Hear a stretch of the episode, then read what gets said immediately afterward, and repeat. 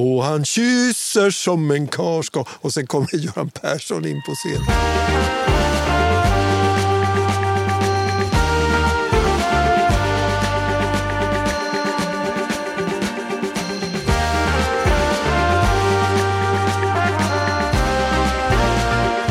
Almedalsveckan i Visby är igång. Denna demokrativecka där allt möjligt löst folk samlas i sommarvärmen och såklart främst politiker. Och så är det vi då såklart.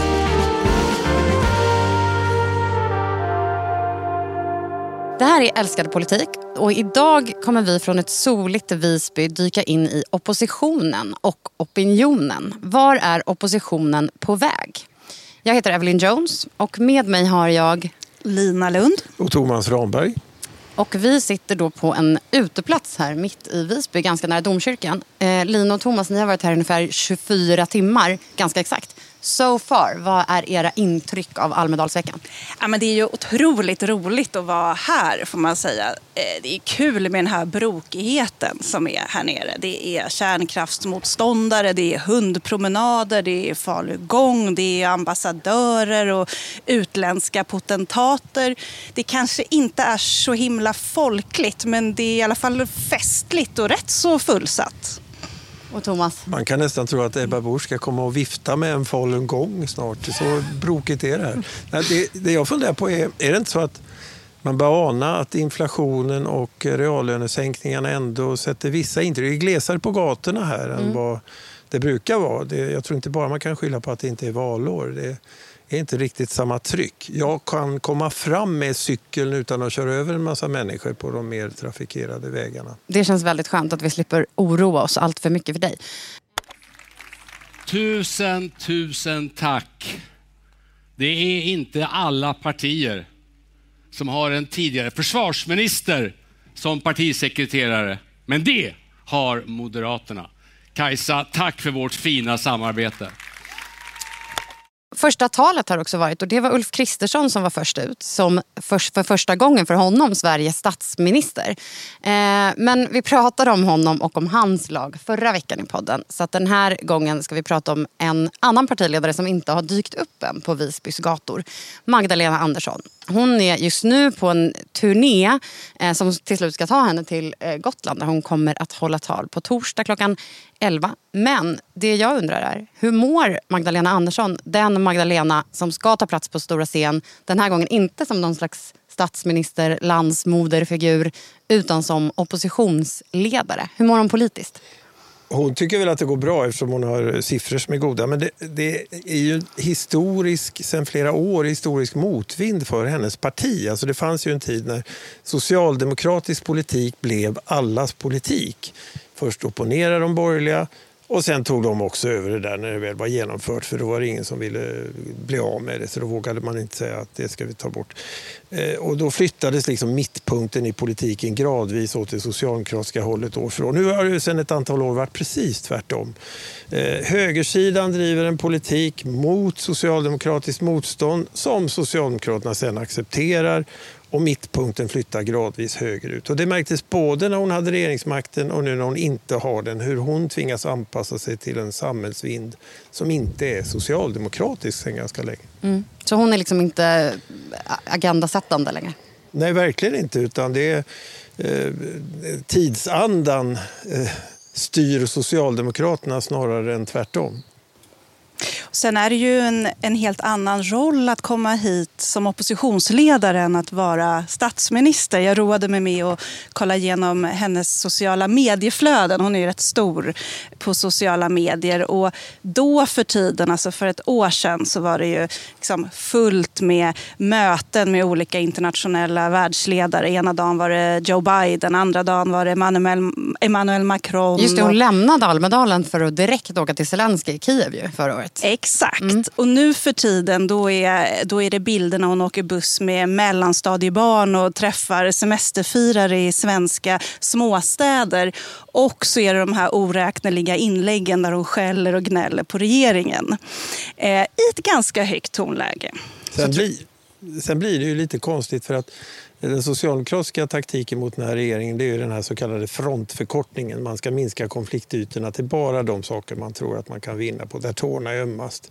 Så de här stora sakerna som den här regeringen sitter på, alltså eh, invandring, eh, kriminalpolitik, energipolitik, där vägrar Socialdemokraterna opponera. De mm. får liksom ingen, ingen motstånd där regeringen. Men det gör ju också att Socialdemokraterna inte eh, framstår som att de har en egen socialdemokratisk politik i några av tidens allra största frågor utan de köper motståndarnas. Och det där är väl också ett tecken på att man har... Ja, ta Nato och säkerhetspolitiken. Där har man ju kastat hela sin säkerhetspolitiska kompass över bord. Och, eh, det är ju frågan, vad är egentligen deras politik mm. i, i utrikes och säkerhetsfrågor nu? Vad är socialdemokratisk profil där? Så att, det finns ju ganska mycket kvar att få reda ut inför nästa val om vad Socialdemokraterna är för någonting idag när allt det här har hänt. Mm. Och det är ju kanske lite ett socialdemokratiskt signum också att svänga eller att vara beredd att svänga i stora avgörande frågor när så krävs. NATO-frågan är väl det senaste exemplet. Kärnkraften finns det en del frågetecken kring tidigare. Och där var det ju direkt pinsamt när man i valrörelsen uppmanade SVT att ändra deras svar i valkompassen. Exakt. Mm. Magdalena Andersson var med och la om migrationspolitiken och hon var finansminister. Och, och, där har det nästan varit en tävlan från oppositionen och regeringen vem som har stått för det egentliga paradigmskiftet när det kommer till migrationen.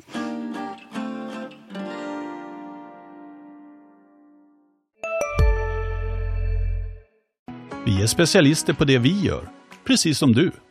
Därför försäkrar vi på Swedea bara småföretag, som ditt.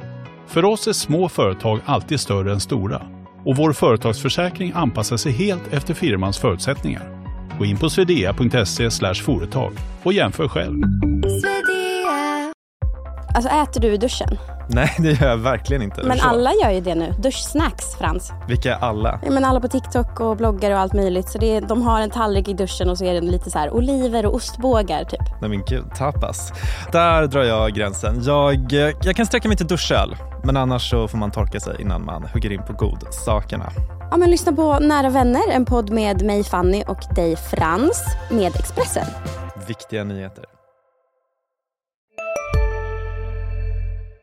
Magdalena Andersson och Socialdemokraterna kan alltså stoltsera med ett stort väljarstöd. 37 procent har de enligt DN Ipsos senaste mätning. Och Det är ganska mycket högre än vad de hade i valresultat. Och De har också snott väljare från i stort sett alla partier. Eh, så att so far den här mandatperioden är ändå Socialdemokraterna vinnare. Varför är det så?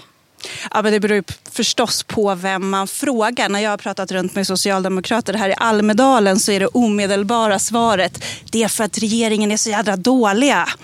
Ehm, eller lata då, eh, om man ska använda det eh, epitet som Socialdemokraterna lanserade häromdagen. Att eh, Kristersson har tagit sovmorgon. Nu har Åkesson och Kristerssons första riksdagsår avslutats. Och faktum är att det är väl den lataste regering vi har sett sedan enkammarriksdagen infördes 1971. Färre förslag har vi inte sett. Det gäller såväl propositioner som utredningar. Och löftesbrotten, ja men de kan man stapla på varandra. Men sen är ju Magdalena Andersson som person också väldigt populär. Hon leder alla förtroendemätningar och så får hon ju såklart draghjälp av den här aversionen som väldigt många känner mot Sverigedemokraterna och Jimmy Åkesson. Ehm, och vi har ju sett hur S har skördat stora framgångar, inte minst i storstäderna och i ganska, bland ganska välmående väljare. Och där är det ju tydligt att man röstar liksom på Magda mot Jimmy. Och och Det tror jag är ganska viktigt. Det handlar kanske också om att många uppfattar att man inte riskerar så mycket att, att rösta på Socialdemokraterna. Eh, man har inte längre den här stämpeln av att vara ett parti som liksom vill tömma din plånbok, beskatta ditt hus, socialisera näringslivet. Många väljare vet att det blir nog ingen ny fastighetsskatt. Den där beredskapsskatten som man flaggat för har ingen sett röken av. Och Det blir liksom inte ens en familje vecka. Så att Socialdemokraterna kan ta fram fina dokument och fina formuleringar om en politik för jämlikhet. Men många av de här lite mer välbärgade väljarna verkar vara ganska trygga med att det blir inga stora vänsterexperiment. Det kommer kanske fortsätta lite som förut så inför förra valet så var det ju en väldigt mycket prat om de olika lagen. Och vi kommer återkomma till Magdalena Anderssons lagkamrater om man så får säga. Men vad tror ni då? Är Magdalena Andersson socialdemokrater nu med det här höga stödet som de kan stoltsera med sugna på att liksom köra solo istället? Skulle de kunna ditcha de andra? Det vill de alltid. Det är mm. Socialdemokraternas defaultläge. Eh, och så har de ju gjort i decennier i Sverige. Eh, men eh, det finns ett undantag och det är om de har en chans att lera sig högerut. Då kan man till exempel, som man har gjort långa perioder, samarbeta med Centern eller så. För då splittrar man motståndet till höger. Eh, nu vill ju inte de andra partierna till vänster acceptera den här socialdemokratiska ryggmärgsreflexen så därför kommer det säkert inte vara möjligt att köra solo och ha alla de här som stödpartier.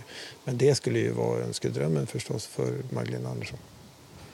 Och Socialdemokraterna är rätt duktiga på att gå i opposition mot sig själva, alltså även när man regerar. Man håller högtidstal mot samhällsorättvisorna, mot ojämlikheten, mot rikisarna som finansierar Timbro. Och det blir ju betydligt svårare att gå i opposition mot sig själv om man regerar ensam. Sen tror jag lärdomen av den valrörelse vi såg för eh, Socialdemokraterna och de andra på vänstersidan det är ju att det var en katastrof att inte ha ordning i det egna gänget i valrörelsen. Därför, och, och, I nästa valrörelse så kommer ju det kunna vara en väldigt stor tillgång för Magdalena Andersson att ställa frågan till både Ulf Kristersson och Jimmy Åkesson. Ja, Okej, okay, eh, Jimmy Åkesson ska alltså in i regeringen nu. Blir han större kanske han ska bli statsminister. Vad har ni för svar? Vad har ni för besked? Och det går ju inte att vinna den debatten om man inte själv har lite ordning i de egna leden.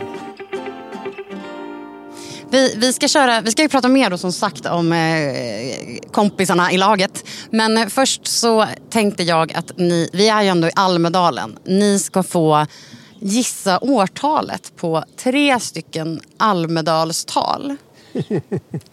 kan bli spännande.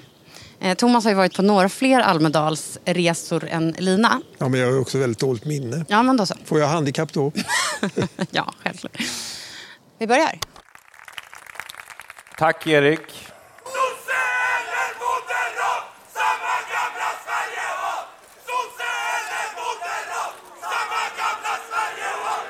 Eh, jag kommer till er, men lite senare. Partier i Sveriges riksdag. Därför att det är från dessa åtta partier som man ska grunda regeringsalternativ. Och för att göra det riktigt komplicerat, ett av de åtta partierna ska inte få vara med. Jag skulle tro att det är eh, Reinfeldt 2013. Visste du det? Nej, gissar. Det är rätt. Ja, jag vad, var där. Vad var det för tid i Sverige? Ja, då har ju alltså Reinfeldt regerat nästan hela sin period. Det visste han ju inte förstås. Han ville ju vinna valet efter, men det var ju innan valet han avgick 2014. Och då höll, det, det intressanta med det valet var kanske inte de där skanderande nazister var det va? Mm.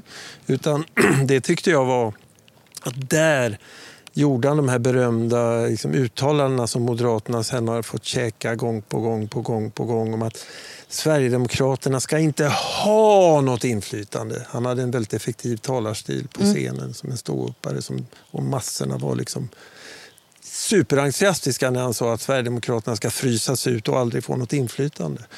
Och sen har vi ju sett hur det har gått. Mm, det blev inte så mycket med det. Vi kör nästa. Lina var med här nu. Jag är vaken. Vi får väl betrakta det faktum att eh, jag står här nu och att ni står där ni står nu som ett av de yttersta bevisen på att nu är Sverigedemokraterna ett etablerat parti, nu har Sverigedemokraterna inflytande, Sverigedemokraterna påverkar politiken. Vem är detta? Ja, vem kan det vara? Kan mm. det vara Jimmie Åkesson? När, när ungefär? Det skulle kunna vara det året när de började samarbeta med KD och M. Nej, det här är ganska långt tidigare. Det här ja, är nämligen då är det faktiskt... 2010 så 2011 är det. Ja. Mm. ja, 2010 kan det inte vara för valet är ju på hösten. Ja. Alltså, första Precis. året efter riksdagsinträdet. Exakt. En ung Jimmy Åkesson. En yngre Jimmy Åkesson. Han låter ganska ung där. Ja. Men det är väl det han menar. Att nu är jag på plats i Ja. Almedalen, alltså är vi etablerade. Men det hade absolut kunnat vara även när de började samarbeta. Ja, det var det som gjorde mig lite förbryllad, att han pratade om att de är med och påverkar politiken. Eh, De var ju utfrysta då, men de satt i riksdagen. Ja, mm. ja men på så sätt får man igenom rätta. Och så har vi en sista här då. Ja, applåden hoppas jag understryker vårt tack till Henrik Schyffert. Jag har aldrig varit med om en sån introduktion någon gång på tal förut. Får se om jag vill ha med, vara med om det en gång till. Men det var fantastiskt. Det skulle kunna vara ända tillbaks till 2007. Hon satt mellan 2007 och 2011 va? Du är väldigt nära. 2008 då. Snyggt. Den tog du. Jag försöker tänka, hon blev nog egentligen inte vald för en... Jo, nej, hon var ju vald redan 2007. Ja, men... Och då var det en komiker som fick inleda. Precis, det var Henrik Schyffert och han har- gjorde alltså en 20 minuters stand-up innan Mona kom på scen. Spännande. Det Mm. var livat på den tiden. Också väldigt 2008 och Henrik Ja, Schyffert ja. där som eh, Ja, men hon start. satt ju nära. Jag har lite kända artister. Så jag vet att Broder Daniel inledde något år. Och, ehm, Och nu är hon ju själv med i Masked Singer var hon ju förra året. Så att hon kanske gillar den banan, Mona Sahlin. ja, Ehm, nu ska vi då gå vidare. Jag ska koppla i lurarna här. Ehm, Göran Persson han körde ju Anneli Rydé som drog den här gamla Lill Lindfors-låten. Och han går som en kar och han kysser som en kar ska. Och sen kommer Göran Persson in på scenen. Var det folkets jubel då? Ja, det var, fanns väl en viss ironi som inte Göran Persson riktigt ville höra. Och varför har man slutat med det här? Är det det allmänna trista världsläget som gör att, ingen, att det blir partisekreterare som får inleda istället? Då ska vi prata lite mer om de andra som finns i det här rödgröna gänget. För det är ju inte bara Socialdemokraterna som finns på den sidan i politiken. Även om de har klart högst eh, opinionssiffror. Hon har några eh, birollsinnehavare rent opinionsmässigt också.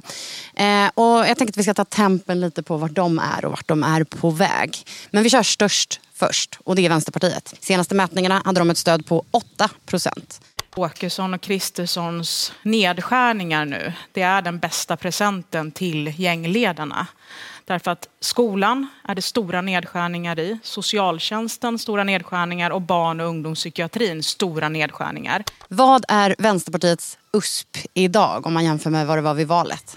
Men de gick in med rätt gott självförtroende i valrörelsen. Eh, man hade tidigare utlöst en regeringskris, man hade stoppat marknadshyror i nybyggen och man hade förhandlat fram en pensionsöverenskommelse med Socialdemokraterna. Man hade verkligen visat med att vi menar allvar med att eh, använda oss av den här positionen vi har i riksdagen. Och sen kom ju valresultatet och då var det inte riktigt lika roligt längre. Det var ju verkligen en besvikelse för vänstern. Ehm, och trots att så kallat vanligt folk har fått det betydligt sämre, man märker av inflationen, de höjda priserna, det väntar neddragningar i välfärden, så har ju inte vänstern riktigt lyckats vända den där trenden och, och slå mynt av det. Och pratar man runt lite i partiet så trycker ju många själva på att man har den här effekten av vad som brukar kallas för rally around the flag. Alltså i kristider så sluter väljarna upp bakom det stora, stabila, statsbärande partiet. Lite det vi har sett kring Socialdemokraterna här. Och man är mer, mindre benägna att välja mer radikala eh, partier. Men är det någonting som vänstern lyckas med nu så är det ändå att man kanske mer än andra lyckas nå fram genom bruset. Och tittar man på de politiska utspel som fått rätt stort, åtminstone medialt genomslag den senaste tiden så har ju många kommit från vänsterhåll. Jag tänker på matpristaket, eh, det här utspelet om att man ska ha Sverigepriser på el, förslaget om att låta staten köpa tillbaka SBBs eh, samhällsfastigheter, att använda statliga banken SBAB för att pressa ner bolåneräntorna. Ehm, men frågan är förstås om väljarna tycker att det också är en bra idéer. Just det, men de kör på, de kommer ut i alla fall. Men vart är de på väg då? Ja, för mardrömsläget brukar ju vara för Vänsterpartiet när Socialdemokraterna är i opposition. För då hamnar de helt i skuggan av Socialdemokraterna. Och där håller jag med Lina om att de har varit bättre på att hantera det läget än vad man brukar vara. och att hålla sina opinionssiffror på 8 nivån för Vänsterpartiet i den här positionen som man är nu i opposition bakom oppositionen. Det är ändå historiskt ganska bra siffra. Och det kan väl göra med att det, det har blivit en sorts vakuum där när Socialdemokraterna inte vågar säga de här lite mer radikala sakerna kring ekonomin. Då, då tar V den rollen. De är en bra bit från kamrat 4 procent. Ja, den är, de är två kamrater 4 procent. Men vi ska gå över till ett parti som är väldigt mycket närmare den här 4 spärren, nämligen Centerpartiet som eh, en av de senaste mätningarna stöds av 5% De har ju gått igenom en livsomvälvande förändring under det här året. Eller det är sen valet. Annie Lööf lämnade då partiet som partiledare efter 12 år. Muharrem Demirok tog över. Hur står han sig so far? Som person och partiledare så har han ju inte trängt igenom alls han är lite grann mannen utan egenskaper, för han har inte hunnit fylla på de här egenskaperna än. Mannen utan egenskaper, det är hårt. Ja, men det är ju inte så att han, alla partiledare är på något sätt det i början. Mm. Så det är ganska tidigt att döma Demirok, eller dämma Demirok eller vad det heter. En socialdemokratisk debattör skrev att han riskerar att bli Centerpartiets svar på Håkan Juholt. Vald till ledare eftersom alla andra kandidater hade för många fiender. Sen finns det ju en, en, fråga som han ganska... Jag tycker eh, han har i, i, debatter och så varit ganska skicklig ändå på att eh, ha den här lugna mittenframtoningen som ska förkroppsliga Centern på något sätt. Va? Och det finns ju en fråga där han uppenbart har känt tidens vind och är fast besluten att göra någonting med det här partiet och det är ju skolfrågorna. Alltså, det här var ju riksdagens mest företagsvänliga parti och nu vill de dra åt svångremmen för vinstdrivande mm. skolor. Eh, Centern har ju närmast varit religiöst övertygade om att de här eh, skolbolagen ska ha rätt att göra vinst. och så. Nu, det, det, när man slöt januariavtalet skrev man in i det att Socialdemokraterna inte fick tänka vinstförbud. Och nu står han där och vill åtminstone begränsa vinsterna genom ganska radikala grepp som att man ska kunna ha lottning till exempel som urvalsinstrument. Det, det var ju någonting som liberaler för inte särskilt länge sedan fördömde som att eh, spela tombola med våra barn som Björklund sa. Men och vi ska också då eh, gå in på det sista och minsta partiet i den här konstellationen och det är då Miljöpartiet. Och där kom det ju också ett inte kanske lika omvälvande besked, men ändå ett nytt besked i, häromveckan. Per Bolund eh, berättade att han ska avgå som språkrör. Jag har eh, gett allt i 20 års tid i rikspolitiken och eh, är väldigt stolt över det som jag och Miljöpartiet har åstadkommit. Men nu tycker jag att det är rätt tillfälle att en ny efterträdare får chansen att göra sitt jobb och etablera sig till nästa val. Jag pratade runt med miljöpartister för en månad sedan om situationen i partiet och att de ändå har det lite jobbigt rent opinionsmässigt. Och de suck, där suckade många över att partiet har blivit mellanmjölk, man tampas med trovärdighetsproblem, ledningen är feg. Var ska det här partiet ta vägen då? De borde ju ha, kan man tycka, ett guldläge nu när man har ett stort stor debatt om klimatfrågorna där regeringen anklagas för att eh, öka koldioxidutsläppen, göra det lättare, billigare för bilister och så vidare. Och det har man ju inte, det har man inte lyckats med alls. Eh, sen behöver ju Miljöpartiet kanske också bestämma sig för lite av vilken typ av miljöparti man ska vara. Ska man vara renodlat fokuserade på klimat och miljö eller ska man ha den här bredare allmänna profilen där man har en politik i alla möjliga frågor. Eh, och det blir intressant också utifrån vem som ska efterträda Per Bolund. Mm. Ett namn som har nämnts där är väl Daniel Heldén, numera riksdagsledamot, tidigare Stockholmspolitiker, som företräder den här lite mer klimatprofilerade eh, linjen. Så vi får se vad som händer när Per Bolund avgår. Då kommer det också kanske då avgöras om de till slut kommer bli ett parti som alla andra med en partiledare istället för språk, eller två språkrör. Ja, det har ju framförts från en del sidoorganisationer då att uh, ungdomar och så att man ska ha en partiledare. Det där kommer ju upp då och då. Men eh, vad jag förstår eh, efter vad jag hör inifrån Miljöpartiet så har det också framförts av Märta Stenevi Mm. Det är ju intressant om man både driver det och själv kandiderar för att fortsätta som språkrör. Vad blir efter likhetstecknet då? Ja, det blir jag, partiledare. Och det kan ju vara ett skäl till att hon har legat lågt med det här mm. utåt. Det kanske vore otaktiskt att framträda som det där språkröret som vill bli partiledare. Det låter mm. lite maktsuget. Ja, men vad spännande. Då kommer vi fortsätta följa det och under de närmaste dagarna kommer vi ju, ja, bara om några timmar, kommer vi få lyssna på just Märta Stenevi när hon håller sitt Almedalstal.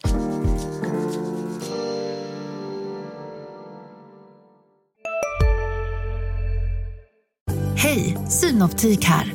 Hos oss får du hjälp med att ta hand om din ögonhälsa. Med vår synundersökning kan vi upptäcka både synförändringar och tecken på vanliga ögonsjukdomar. Boka tid på synoptik.se. Hej, Susanne Axel här. När du gör som jag och listar dig på en av Krys vårdcentraler får du en fast läkarkontakt som kan din sjukdomshistoria. Du får träffa erfarna specialister, tillgång till lättakuten och så kan du chatta med vårdpersonalen. Så gör ditt viktigaste val idag, lista dig hos Kry. Vi är inne på övertid och vi är i Almedalen som ni kanske har hört på fågelkvittret och på eh, vinden som blåser här. Jag vill veta vad eran bästa Almedalsspaning är hittills.